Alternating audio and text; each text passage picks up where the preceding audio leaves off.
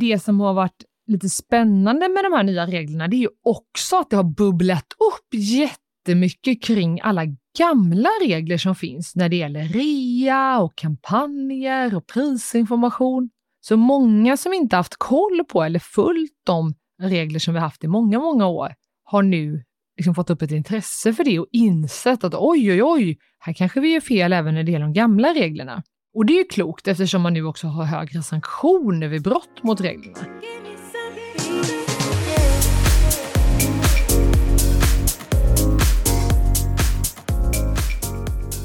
Det där var Agnes Hammarstrand och det här är ett nytt avsnitt av Digital marknadsföring med Tony Hammarlund. En podd där jag intervjuar några av Sveriges främsta branschexperter och marknadsförare. Det händer ständigt nya saker inom juridik som påverkar marknadsföring och e-handel och under 2022 hände det extra mycket. Vi fick bland annat både en ny konsumentköplag och uppdaterat konsumentskydd med en rad nya regler som vi marknadsförare måste ha koll på. Så jag bjöd in Agnes Hammarstrand till podden igen. Agnes är advokat och partner på advokatbyrån Delphi en affärsjuridisk byrå som är en av Sveriges ledande inom IT, tech, e-handel och marknadsföring. Och Agnes är en av landets främsta experter på området med lång erfarenhet och har byggt upp ett stort team som arbetar med just detta. Hon har dessutom fått en hel del utmärkelser, bland annat som Årets Justitia och den advokat svenska advokater helst hade anlitat inom affärsjuridik. Agnes och jag pratar i avsnittet om det viktigaste som har hänt kring juridik för marknadsföring och e-handlare och vad vi måste ha koll på. Dels den nya konsumentköplagen och konsumentskyddet som trädde i kraft under 2022, men också allt från Digital Services Act och Digital Market Act och hur dessa kommer att påverka oss marknadsförare till det kommande tillgänglighetsdirektivet och vad det innebär. Du får bland annat höra om vad som nu gäller kring recensioner och omdömen, nya regler kring hur prissänkningar ska kommuniceras, vanliga missförstånd kring de nya reglerna att digitala tjänster nu omfattas av konsumentköplagen, vad som händer kring Schrems 2 Privacy Shield och Agnes ger även en uppdatering kring GDPR samt vad hon fortfarande får många frågor kring. Plus en massa, massa mer. En perfekt uppdatering kring juridik för oss marknadsförare helt enkelt. Du hittar som vanligt länkar till allt vi nämner i poddlägget på tonyhammarlund.io, så du behöver inte anteckna. Och efter länkarna hittar du även tidsstämplar så att du enkelt kan hitta tillbaka till olika sektioner i intervjun. Gillar du det här avsnittet och vill höra mer om vad marknadsföringslagen, cookieslagen, GDPR och Trans 2 innebär för digital marknadsföring så kan du lyssna in första gången Agnes gästade podden i avsnitt 66. Det är fortfarande aktuellt och riktigt bra lyssning. Och missa inte heller att kolla in mitt nyhetsbrev som just nu går ut till nästan 5000 marknadsförare. Jag startade och jag själv tyckte det var svårt att hålla koll på alla nyheter och trender inom digital marknadsföring. Dels att hitta bra sajter, nyhetsbrev och personer att följa, men också att filtrera vad som är viktigt för mig att hålla koll på och vad det innebär i praktiken. Så jag skapar ett nyhetsbrev där några av Sveriges ledande experter inom sina respektive områden väljer ut det viktigaste och ger sin analys om vad det betyder för oss marknadsförare. Istället för att följa en mängd olika sajter, nyhetsbrev eller andra källor så får du det viktigaste kurerat och analyserat så att du slipper. Och det är dessutom på svenska. Så vill du vara den smartaste marknadsföraren i rummet så tycker jag du ska signa upp. Du kommer inte bli besviken och signar upp gör du enkelt på min webbsida. Nu kör vi igång och Agnes börjar med att berätta om de stora sakerna som hände inom juridik under 2022 som påverkar marknadsföring och e-handel. Det stora som hände 2022, det var nya regler för konsumenter. Så att för alla företag som säljer till konsumenter så var det jättestora förändringar. Det var det liksom största som hände kan man säga. Sen händer det såklart lite grann också, eh, även för andra företag, men framförallt eh, företag som säljer till konsumenter. Det som hände var bland annat att vi fick en ny konsumentköplag. Och den påverkar ju massa saker, även hur man får marknadsföra och kommunicera och sånt kopplat till ja, men sådant som reklamationer och returer och så. Så även relevant för marknadsförare. Och sen fick vi också ett eh, moderniserat konsumentskydd med flera olika nyheter från EU. Och det var bland annat regler kopplat till en hel del fenomen som är viktiga för digital marknadsföring och e-handel. Exempelvis så fick vi för första gången någonsin regler kring recensioner. Det har varit ett stort problem inom EU i olika länder att man har marknadsfört recensioner och så kanske de inte har varit helt rättvisande. Kanske för att egen personal har lämnat recensioner eller man har sållat bort dåliga recensioner. Så det fick vi regler kring att det ska bli mer eh, rättvisande. Fick också nya regler kring som gäller plattformar, om man säger mellanaktörer som säljer. Det kan vara allt från Tradera och Blocket till Amazon och den typen av företag, där man fick regler kring hur de ska ranka produkter och kommunicera kring hur man rankar olika produkter.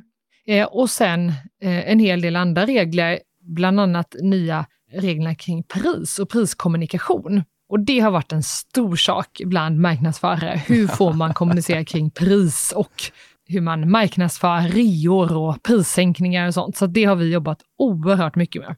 Eh, och sen det som också var lite spännande då, om man liksom tar ett steg tillbaka, det var att man samtidigt då från EUs sida passade på att sätta höga sanktioner vid brott mot de här nya reglerna. Så att eh, lite regler alla GDPR, om vi nu får kalla det så, med risk för sanktionsavgifter upp till 4% av omsättningen. Eller till och med högre summor som medlemsstaterna kan välja i vissa länder att införa då, alltså EUs medlemsstater. Sammantaget så innebär ju det här att riskerna att bryta mot konsumentreglerna och marknadsföringsreglerna när man marknadsför till konsumenter blir mycket större nu. Man riskerar högre sanktioner då. Om vi backar tillbaka lite, den nya konsumentköplagen, vad innebär den i praktiken? Ja, men dels innebär den att eh, konsumentreglerna nu också träffar digitala tjänster och produkter med digitalt innehåll. Och Det var en viktig sak från EUs sida eftersom man inte hade några regler kring det. Och det är också någonting som är väldigt gränsöverskridande om man lanserar en app till exempel, eller en digital tjänst. Och det är sällan man tänker att åh, nu ska jag sälja den här i Sverige. Utan ofta är ju det ganska globalt och man kanske vill ha ut den på många marknader samtidigt. Så då infördes för första gången regler kring digitalt innehåll och digitala tjänster. Så det var en stor nyhet. Och sen så ändrade man också då en del regler i konsumentköplagen i Sverige på grund av att man försöker göra samma regler i hela EU. Och det är till exempel sånt som hur lång tid anses konsumenterna rätt om det blir ett fel i en vara? Det som kallas presumtionstid och om man har gjort ett om det varit ett fel i en vara, hur, vem har bevisbördan för det och så. Så man införde lite olika sådana nyheter som då blir samma i hela EU. Så det är väl de största nyheterna då, men, men ehm, e EU-lagstiftning kan man säga som då påverkar svenska konsumentköplagen och gjorde att man i Sverige valde att införa en ny konsumentköplag. Och det här med digitalt innehåll och digitala tjänster, vad innebär det att de nu omfattas av en konsumentköplag? Framförallt att det blir tydligare vad som gäller. Innan vi som har jobbat med det här, vi har brottats ganska mycket med att det har varit mycket som varit oklart. Ska man tolka de vanliga konsumentreglerna för vara även när det gäller tjänster eller ska man inte göra det? Nu är det tydligt vad som gäller på ett helt annat sätt. Det innebär till exempel att om man lanserar en digital tjänst, och det kan till exempel då vara en app, men även andra digitala tjänster, då är det viktigare att tänka på att man har bra juridiska villkor, att man har skrivit in vissa saker i dem, att man ger rätt information vid appen digitala tjänster. Det finns liksom regler för hur får man ändra det digitala innehållet? Hur får man inte ändra det? Så det är liksom flera olika regler som alla då syftar till att skydda konsumenter och säkerställa att inte företag har oskäliga villkor när man har digitala tjänster. Sen läste jag också att den här nya konsumentköplagen, den gäller även för, för tjänster eller produkter där man betalar med sina uppgifter, inte bara med pengar. Mm, men det stämmer. Så att om man till exempel har en social media-sajt eller en app eller en portal av något slag som är gratis, då träffas fortfarande den här nya lagen om man betalar med sina personuppgifter istället. Och det känner vi till till exempel när det gäller Facebook och många andra stora aktörer och även många appar där i själva verket våran persondata är valutan. Det är det som företagen lever av, att man samlar in vår data och nyttjar den i marknadsföring. Så då gäller lagen också. Så det spelar ingen roll om man inte tar betalt i pengar, utan tar man betalt i form av data, då behöver man också skydda konsumenterna och säkerställa att man inte har oschyssta villkor. Det här var konsumentköplagen. Mm. Sen var det då konsumentskyddet som trädde i kraft senare under året. Precis, i september började de reglerna gälla i Sverige. Du var inne lite där på prissänkningar, reor och kampanjer och lite om recensioner också. Så var det här de stora sakerna som gällde i just konsumentskyddet? Ja, det är de största nyheterna. Och så lite regler då för, som gäller för plattformar. Så att om man är en sån här plattform som säljer för flera företag eller konsumenters varor, då finns det ganska mycket att tänka på i de nya reglerna. Men det berör ju bara den typen av aktörer då kan man säga och, och såklart indirekt de företagen och konsumenterna som är verksamma på plattformarna. Som till exempel Blocket och liknande plattformar. Då. Men det stora är de reglerna du nämnde och där har det ju varit eh, kanske mest ståhej då, om man nu får säga så, kring de här nya prisinformationsreglerna. Kan du förklara vad det är som gäller nu kring prissänkningar och kampanjer och reor? Då är det så att från EUs sida så såg man att det var ett problem, framför allt bland e-handlare, att man hade rea väldigt ofta och att man ofta hade ordinarie pris eller rekommenderat pris som man jämförde med. Och det var inte ovanligt att man höjde det priset till och med, eller aldrig hade tillämpat det priset inför en kampanj, till exempel Black Friday eller julrea eller ja, vilken kampanj som helst egentligen. Och då blir konsumenterna vilseledda. Man trodde liksom att åh, nu gör jag ett klipp här, fastän i själva verket så kanske det inte var ett klipp. Därför att det här företaget säljer aldrig varan till det som anges som ordinarie pris eller rekommenderat pris. Och det känner vi nog alla igen, tror jag, att den, liksom, det fenomenet har funnits. Ja, och det ville man alltså komma till rätta med från EUs sida. Och det gjorde man då genom att införa en ny regel. Och den nya regeln innebär att när man marknadsför någon typ av prissänkning, när man säljer till konsument, då måste man jämföra med det priset som har varit det lägsta under en 30 dagars period. Så man kan inte ha att jämföra med någon slags ordinarie pris eller någon annan typ av pris. Rekommenderat pris från tillverkare eller liknande? Exakt, rekommenderat pris från tillverkare som man aldrig har tillämpat. Utan det priset som liksom är det ordinarie priset, om man nu får kalla det det då, mm. det som syns på sajten eller i, i, på prislappen eller i, i skyltfönstret eller vad det nu är. För det här är regler som gäller oavsett eh, kanal. Det måste vara det priset som varit det lägsta under 30 dagar. Och det som har varit lite spännande med de här nya reglerna, det är ju också att det har bubblat upp jättemycket kring alla gamla regler som finns när det gäller rea och kampanjer och prisinformation. Så många som inte haft koll på eller följt de regler som vi haft i många, många år har nu liksom fått upp ett intresse för det och insett att oj, oj, oj, här kanske vi gör fel även när det gäller de gamla reglerna. Och det är ju klokt eftersom man nu också har högre sanktioner vid brott mot reglerna. Så det är ju väldigt bra skäl och liksom anledning att ta ett omtag kring vad har man för priskommunikation? Vad har man för strategi när det gäller kampanjer och reor? Och liksom hur, hur jobbar man med olika perioder av kampanjer och sånt som man har under året då? Och lägga upp liksom en strategisk plan för det istället för att kanske tro att man, som en del har gjort innan, bara kan liksom ha ett jättehögt pris som man eh, marknadsför och sen så ser det ut som man sänker det när man har rea. I stor del ska jag vara ärlig och säga att mycket av det här har gällt även tidigare enligt marknadsföringslagens generella regler. Det är bara det att nu har man fått en tydlig och konkret regel som är väldigt exakt. Det ska vara det lägsta priset under 30 dagar som man jämför med som man själv har sålt varan för. Då. Det är väl lite som med GDPR och PUL egentligen, att mycket av det som gällde under PUL är det som nu blev väldigt tydligt med GDPR. Ja, men lite så. Det har blivit mycket mer tydligt. Du sa att det finns en hel del gamla regler eller tidigare regler kring kampanjer och reor som nu har blivit lite mer aktualiserade. Så finns det någonting där som du tycker är viktigt att marknadsförare och e-handlare har koll på hur man får göra kring reor och kampanjer och prissänkningar? Absolut, det finns jättemycket. Och det viktiga är att man får inte ha rea för ofta. Rea och liknande begrepp som sälj och utförsäljning och outlet och så, det är begrepp som bara får användas ett, eh, under en väldigt begränsad period under året. I några veckor, kanske maximalt beroende på bransch upp till max, max, max två månader och helst kortare då. Så det, man får inte ha den typen av rea eller utförsäljningsbegrepp för ofta. Det är en viktig sak att ha med sig.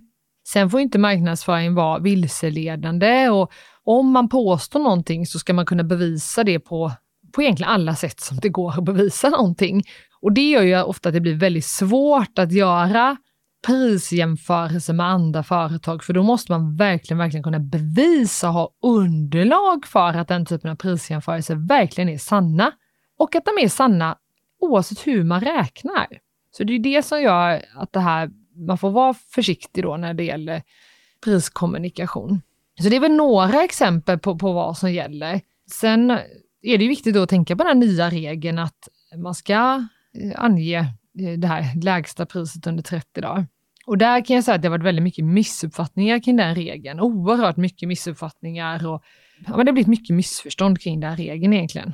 Vad är det marknadsförare, e-handlare och företag har missförstått? Bland annat har många trott att man alltid måste visa det här 30 dagars priset i all kommunikation. Och det stämmer inte, utan det är bara om man på något sätt tillkännager en prissänkning som det här kickar in.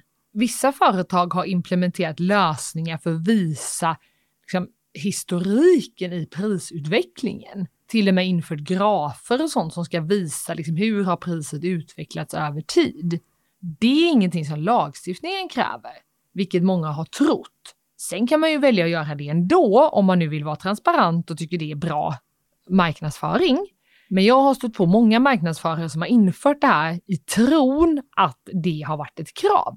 Och det är det absolut inte, utan kravet är endast att när man på något sätt tillkännager en prissänkning, då behöver man jämföra med 30-dagarspriset.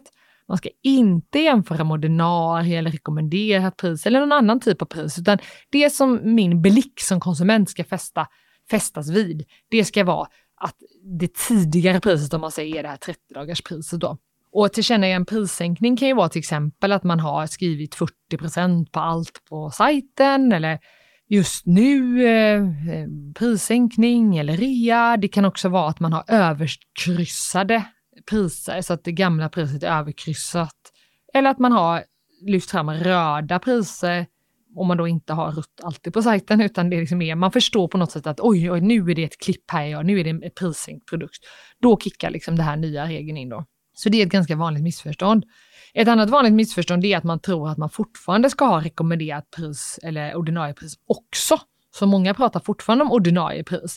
Men lagstiftaren har ju egentligen velat att man inte ska ha rekommenderade eller ordinarie priser utan att det som ska bli standard är det här 30-dagarspriset.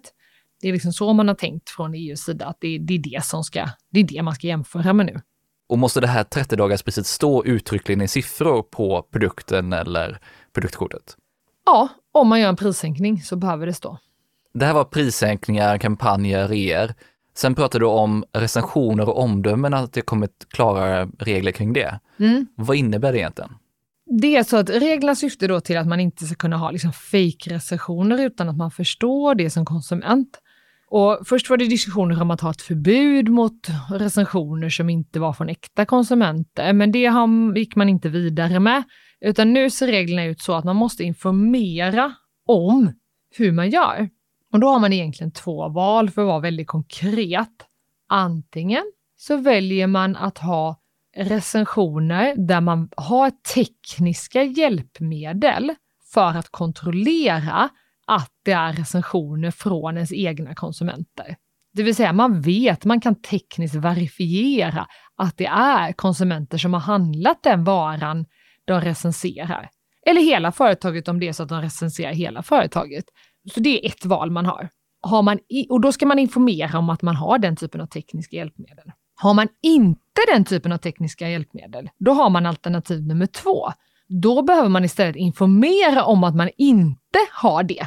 Och det ser ju såklart inte så snyggt ut, för då behöver man informera om att så här, vi kan inte verifiera att det här är äkta konsumenter hos oss. Vi har inte de tekniska hjälpmedlen. Och det ska vara jättetydligt så att konsumenten inte kan missa det. Och det är klart, det sänker ju det såklart trovärdigheten på recensionerna. Om jag får det liksom lite så här up my face, att det står tydligt och klart att, att, att det här är inget att lita på. Och det är lite det EU vill också, att man valde att inte gå liksom förbudsvägen och säga att så här, det här är helt olagligt. Men man måste ha extremt tydlig information. Man får inte ha recensioner som då kan ge underförstått ett intryck av att det är äkta recensioner, om man nu säger så, om det inte är det. Så man får fundera här på, vill man använda, och där finns ju olika verktyg och sånt idag, olika tjänster som såklart har sett en affärsmöjlighet i det här, som då erbjuder det här. Upplever du att alla e-handlare, företag och marknadsförare har koll på de här nya reglerna? Nej, det upplever jag inte att man har ännu, men kunskapen har ändå blivit bättre och bättre. Och det som har varit positivt har också varit att i och med att det kommer nya regler så upplever jag att kunskapen om de gamla reglerna blir mycket högre. Så det är liksom en positiv sidoeffekt av det här. Och det tror jag också gjort sitt nu att man inför högre sanktioner. För det är klart, då inför, inser ju fler och fler företag att det här är någonting man måste ta på allvar. Det har gjorts undersökningar när det gäller framförallt marknadsföring online, att det är en väldigt låg regelefterlevnad, alltså man är dålig på att följa reglerna i just Skandinavium. Och det gäller framförallt bland e-handlare. I många andra länder så har man mycket högre kunskap av reglerna. Och det är ju klart liksom, kanske problematiskt, därför att då blir det ju en konkurrensproblematik för de företagen som gör eh, rätt och jämfört med de som gör fel. Jag tror och hoppas att eh, det här på sikt ska leda till att det blir liksom schysstare villkor för alla då när man får en högre kunskap om reglerna. Jag brukar alltid rekommendera som ett sånt praktiskt tips, framför allt för företag som säljer på nätet och framför allt om man säljer till konsument, att man gör en liksom sån här clean check, eh, någon slags audit eller granskning av sin sajt och sin kommunikation i liksom standardläge. Alltså till exempel granska en e-handelssajt. Och så gör man det en gång för alla och upptäcker så här, är det någonting vi gör fel? Det är en väldigt sån härlig liksom, hygiencheck att ha gjort någon gång som man har väldigt stor nytta av även framåt om man sen då inte ändrar allt för mycket. Självklart ändrar man ju liksom i den enskilda kampanjen sen, men då är i alla fall liksom grundinformationen på sin sajt rätt. Så är man e-handlare, då är det verkligen någonting jag kan rekommendera, eller om man har en e-handel då. Vi pratar väldigt mycket om e-handel just nu. Påverkar det här bara e-handlare eller även andra företag? Nej, det påverkar även andra företag. Det vi pratat om hittills, det påverkar konsumentföretag eller företag som säljer till konsument. Sen gäller ju en del av de reglerna jag varit inne på, till exempel reglerna om att du inte får vilseleda, att du inte får rea för ofta, ja men de gäller ju även om du säljer till andra företag eller marknadsför dig mot andra företag. Men eh, de gäller oavsett butik eller e-handel. Sen är det så att varför vi pratar mycket om e-handel här, det är också att e-handlarna och e-handeln har varit ett stort skäl till varför de här reglerna har införts. Det har liksom varit eh, mycket problem när det gäller marknadsföring online. Vi hoppar snart tillbaka till mitt snack med Agnes, men först vill jag presentera Juni som är med och sponsrar veckans avsnitt. De har skapat en fintech-plattform som gör livet enklare för marknadsför och e-handlare och nu har man lanserat en riktigt häftig tjänst som man kallar för Juni Invoices. En allt-i-ett-lösning för att samla in, hantera, betala och finansiera fakturer från till att börja med Google och Meta.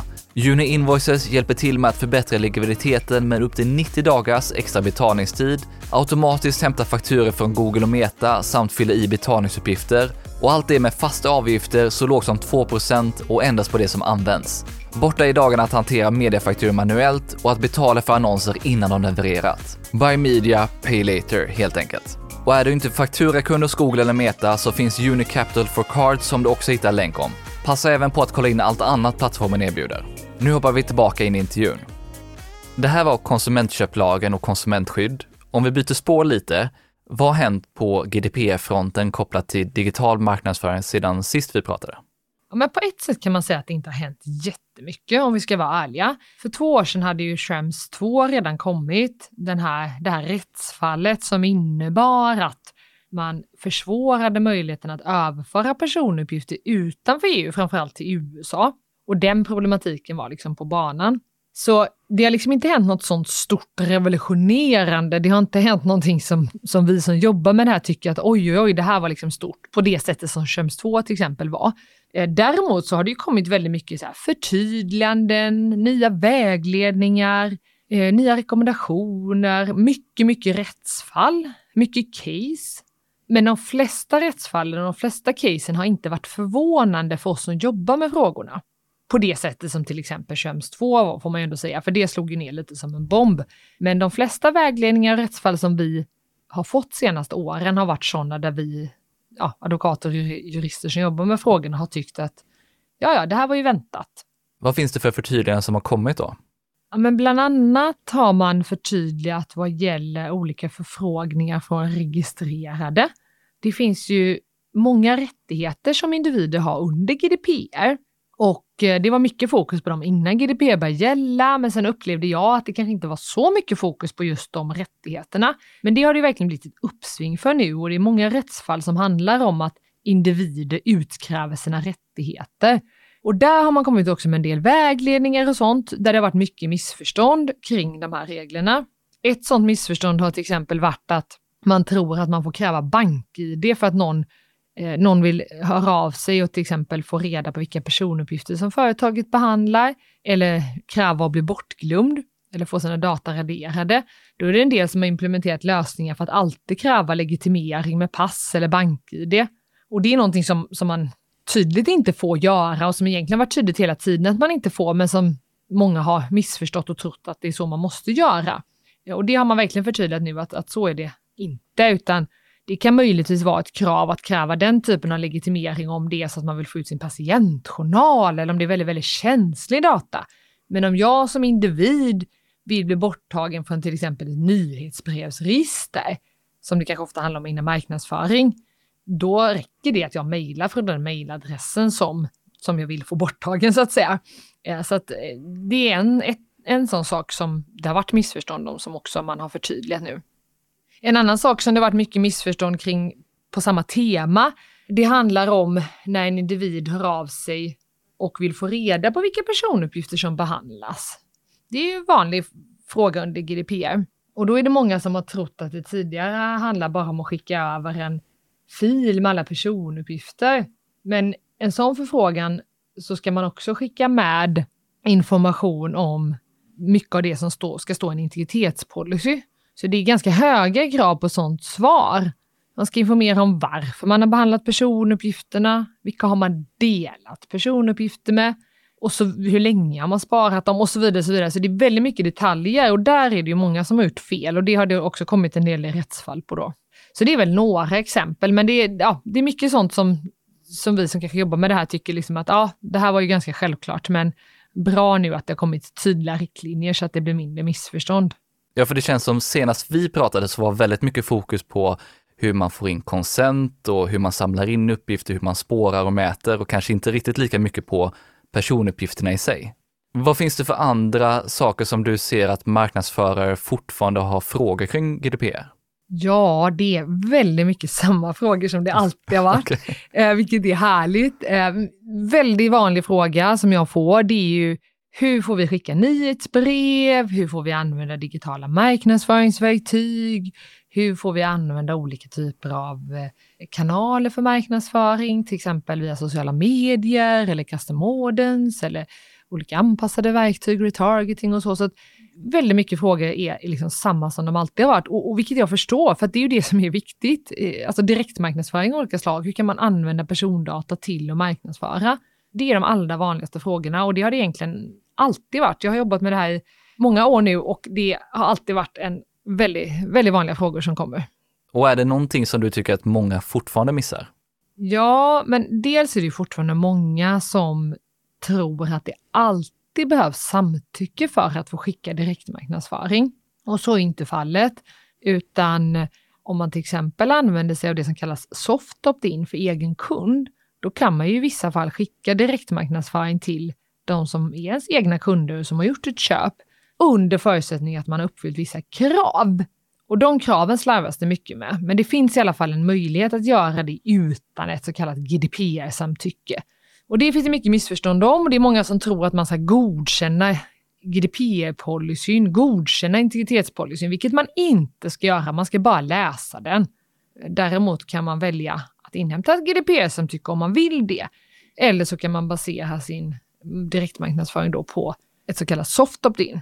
Eh, däremot krävs det alltid ett samtycke när man ska placera någon typ av cookies eller pixlar eller liknande verktyg eh, som vi känner till tack vare alla hemska cookie-banners som vi får stå ut med jämt när vi surfar.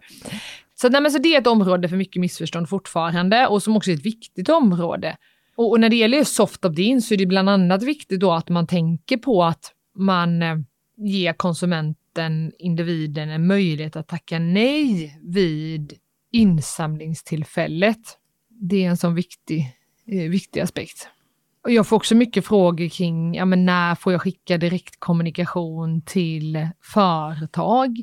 Och när kan man använda e-postadresser till direktmarknadsföring vid kommunikation till företag? Och där har man ganska stora möjligheter enligt min bedömning att göra det med stöd av en så kallad intresseavvägning under GDPR. Då gäller det bara att man säkerställer att eh, målgruppen är att det är relevant kommunikation för målgruppen, att man har gett korrekt information under GDPR. Och det är där det ofta slarvas. Man glömmer ge korrekt information om vart har man samlat in personuppgifterna från. Man har inte korrekt integritetspolicy, alltså privacy policy. Den är inte korrekt skriven och formulerad. Ehm, så det, är mycket som liksom jag tycker faller på det här liksom formella, att man inte har ja, man inte informerat korrekt, inte har korrekta texter. Och, och gör man sånt liksom korrekt så kan man också göra mycket mer med sin marknadsföring.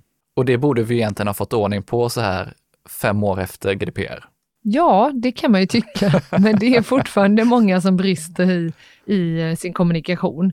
Och det är väl kanske inte så konstigt egentligen, för att när GDPR infördes så var det ju otroligt eh, det var ju liksom en otrolig hysteri och det var inte lätt att ens få tag i advokater eller jurister som kunde GDPR och personuppgiftsfrågorna på ett bra sätt som faktiskt eh, kunde hjälpa till. Så det, mm, ja, det är inte helt, eh, inte helt givet ändå. Du nämnde lite tidigare där Schrems 2 som slog ner som en bomb för ett par år sedan. Det har hänt lite nytt nu precis när vi spelar in det här avsnittet att Facebook har fått en rekordbot för sin användning och överföring av data. Vad betyder det här för både Facebook och andra verktyg och plattformar? Ja, alltså jag vet inte om det är så där jättestor förvåning, den här domen eller det här beslutet, förlåt. Jag har inte liksom läst i sin helhet, men utifrån vad jag har läst om beslutet så eh, handlar det om att då Facebook har på ett systematiskt sätt överfört personuppgifter till USA och att man inte har ändrat det utan att våra personuppgifter på Facebook hela tiden överförs till USA. Och det är ingenting som är någon förvåning för någon att det är olagligt.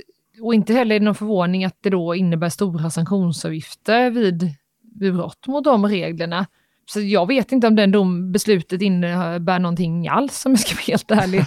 eh, så, det, det, är väl, jag är inte så förvånad. Säg inte mig något nytt överhuvudtaget, det jag har läst hittills om den. Om vi hoppar över från Facebook specifikt, vad har hänt på Schrems 2-fronten och med Privacy Shield 2? Det som har hänt senaste två åren, det är att EU och eh, USAs högsta ledare har kommit fram till att man vill göra någonting åt den här problematiken. Och det är ett beslut på högsta nivå där man har sagt, gett i uppdrag till jurister och de som förhandlar lagstiftning att se till att lösa det här.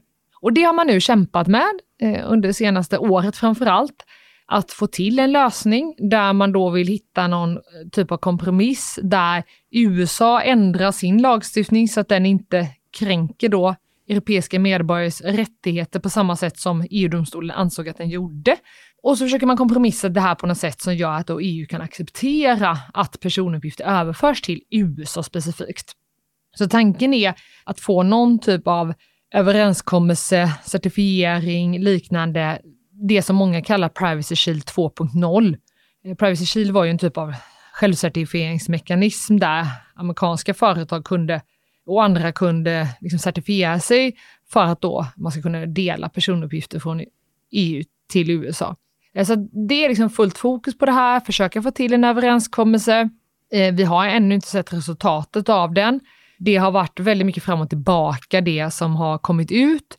Att eh, man har liksom lagt fram förslag, att den har fått kritik från EU-kommissionen, att det, liksom, ja, det är väldigt mycket politik i det här får man väl säga. Och, och jag har själv inte insikt i exakt när kan den här överenskommelsen komma, kommer den komma och så vidare. Men det som ryktet säger, får jag väl säga, det är att det väntas en sån här överenskommelse till sommaren eh, och att det är förhållandevis stor chans att det här kommer bli av till sommaren. Det tror jag väl att alla marknadsförare hoppas och håller tummarna för att det här verkligen går i lås nu, så att det finns någon ny överenskommelse kring det här.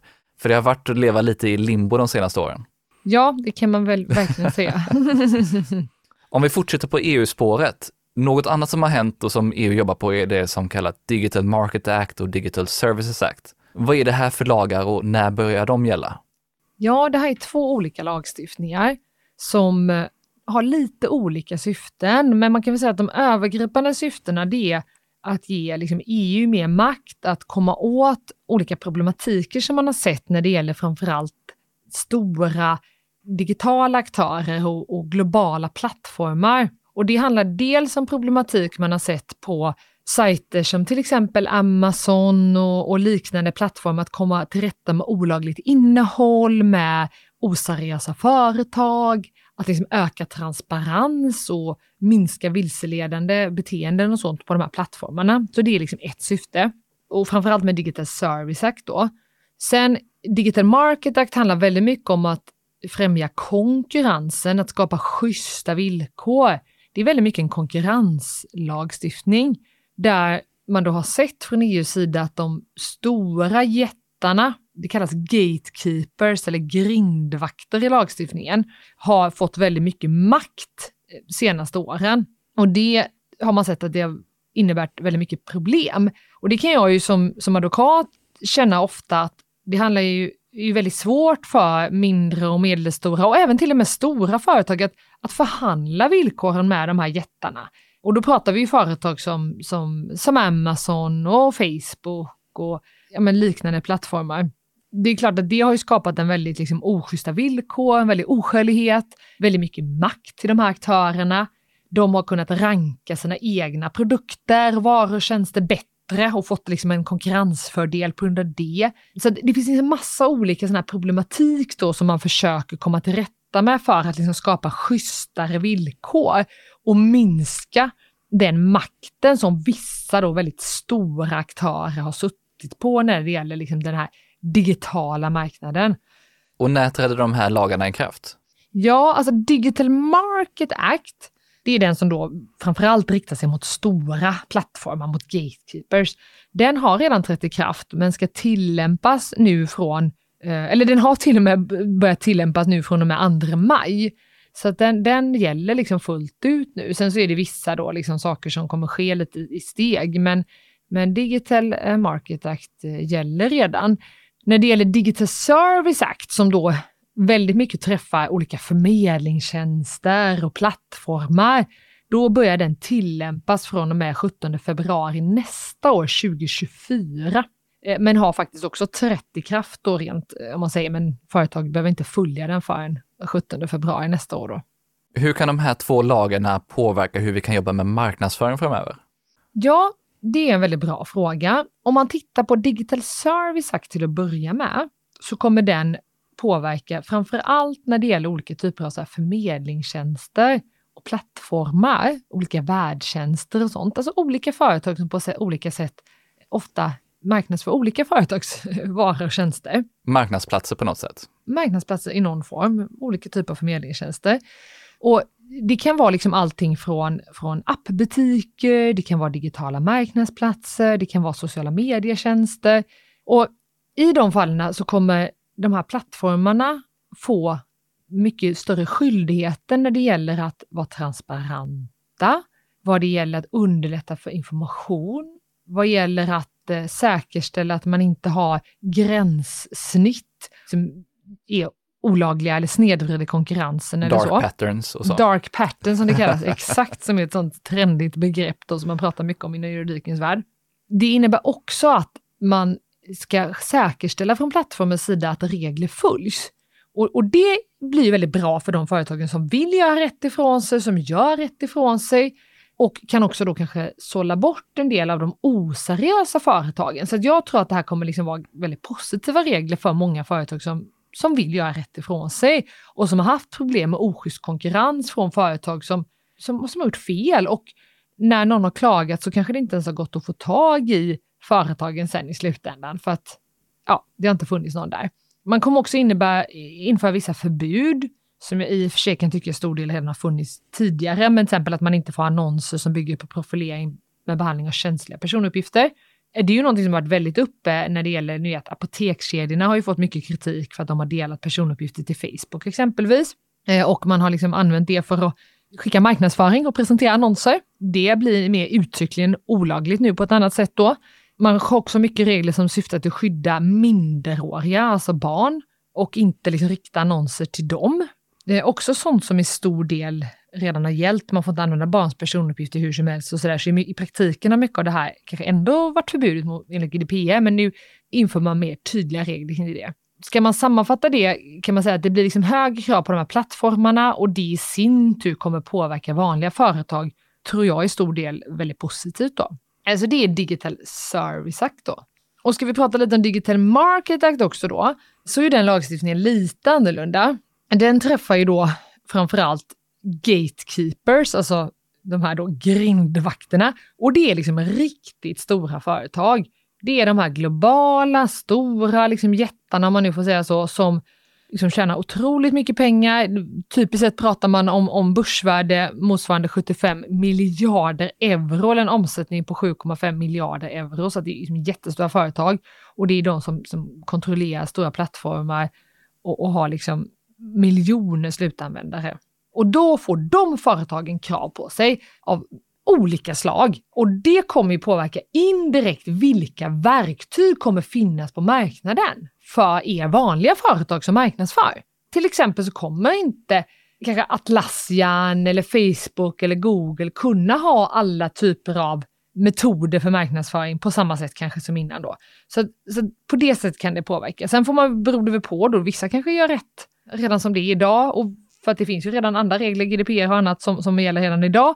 Och vissa kanske måste ändra sitt utbud av annonser då beroende på, på hur man gör idag då.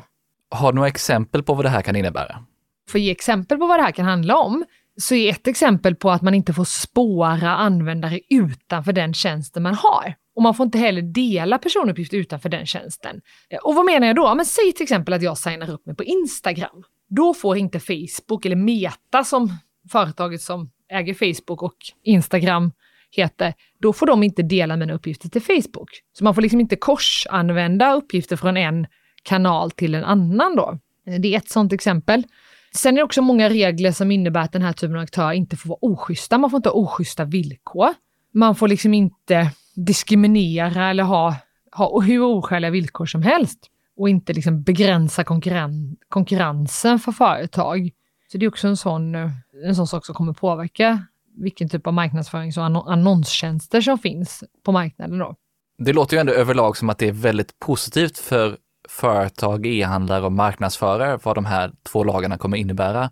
Ja, men det tror jag verkligen. Och det finns också så lite härliga liksom, exempel på att man så ska få, om man, är, om man köper en annons hos en sån här grindvakt eller gatekeeper, då ska man få liksom daglig kostnadsfri information om sin annons och liksom kunna följa pris och följa utveckling. så det är mycket sådana saker med. Så, men jag tror verkligen som du är inne på att, att det här är ju regler som inte vanliga företag, om jag nu får kalla det det, behöver följa, men däremot kommer påverka indirekt vanliga företag på ett väldigt, väldigt positivt sätt då.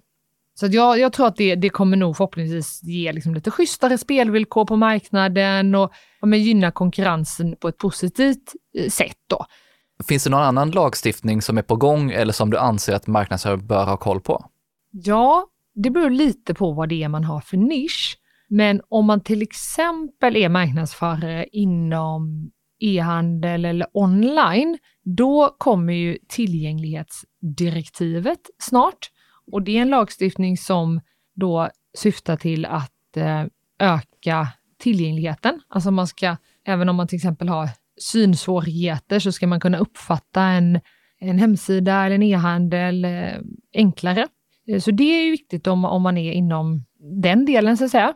Sen kan man säga generellt att det kommer väldigt mycket nya liksom, datalagar och det kommer mycket ny lagstiftning som är liksom lite angränsande till allt det här vi pratar om med GDPR och så. Men de flesta av de reglerna rör inte kanske själva marknadsföraren och är han roll, ni som jobbar som marknadsförare, så direkt, utan det är kanske mer regler som rör säkerhetskrav och, och, så.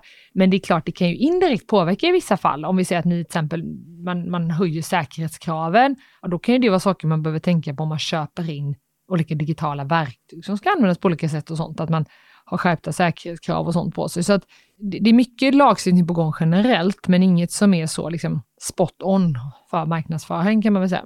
Vad innebär då tillgänglighetsdirektivet för e-handlare och företag?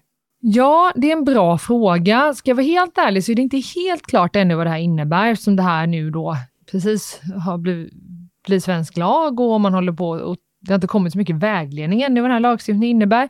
Men på en generell nivå kan man säga att det handlar om att man ska då göra olika digitala tjänster, men också sajter mer tillgängliga. Och typiskt sett kan det då handla om att man ska kunna uppfatta en, eh, en sajt eller en digital tjänst med mer än ett sinne. Och det här träffar ju också sånt som till exempel vilken kommunikation har man i en på en parkeringsautomat eller på en laddstolpe där man kan köpa el. Eller är ni med? Så liksom alla som jobbar med kommunikation kommer ju det här liksom få någon typ av påverkan på då. Och då kan det till exempel handla om att man behöver ha ett text som kan läsas upp så att hörselskadade kan höra texten istället för att se den då. Eh, det finns undantag i den här lagstiftningen för mindre företag och det är inte heller helt tydligt ännu då exakt hur kommer den här lagstiftningen slå? Alltså hur brett kommer den träffa och hur kommer de här undantagen tillämpas som man säger. Men jag skulle nog säga att är man en större e-handlare, är man ett större företag, ja men då kommer man ju typiskt sett träffas av reglerna och då är det ju ganska bra att börja liksom förbereda sig för de här reglerna egentligen.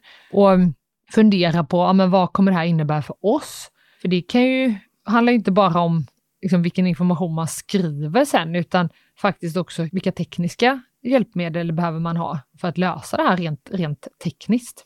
Ja, för det här påverkar ju hela kundresan som du är inne på, både kommunikation och köpet och upplevelsen på sajt och så vidare. Och lagen eh, trädde i kraft 28 eh, juni 2025. Och det kan ju låta så här, ja men det är ju två år kvar nu då om ni lyssnar på den här podden här i närtid, men det är ganska kort tid ändå.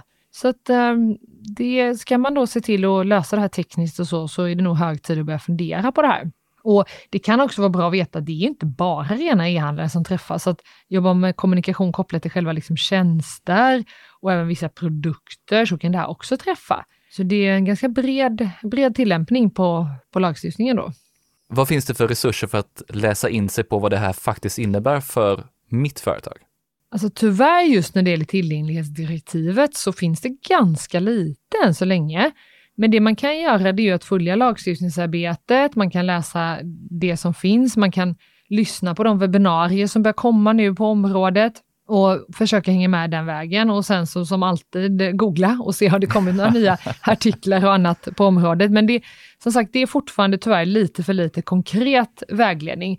Och det handlar framförallt om att man har en regel som handlar om oproportionerligt stor börda i lagstiftningen och den är väldigt liksom svår att tolka. Vad, när blir det oproportionerligt dyrt exempelvis att införa den här typen av teknik?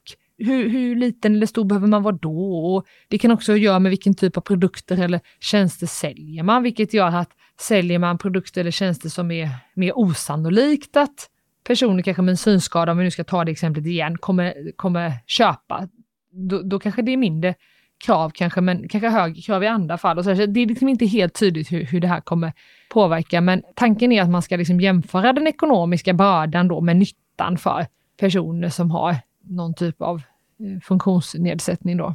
Men kort sagt, det är dags att börja titta på vad det här innebär och börja följa lite webinars och annat material som kommer ut om det här om inte annat. Exakt. Ett annat område som det pratas väldigt mycket om just nu är AI. Vad händer på det området när vi pratar juridik och användning av olika verktyg? Ja, det har ju verkligen bubblat mycket på AI-fronten. Eh, sedan ganska länge tillbaka så har ju EU påbörjat och förhandlat en lagstiftning inom AI. Och det är någonting som, det har varit en del i media om det nu, att åh, det behövs lagstiftning och sådär, men det är ju något som EU har, ja, man har förberett det länge. Och det handlar ju dels då om införandet av AI-förordningen, eller AI Act som det också kallas, och sen också om en lagstiftning för produktsäkerhet när det gäller AI. Så det är egentligen liksom två, en tvådelad lagstiftning kan man säga då, som man håller på att förhandla inom EU. Så det är liksom en stor sak som, som gäller och det, det handlar då om regler vid utveckling av AI och liksom när man sätter AI-verktyg på marknaden.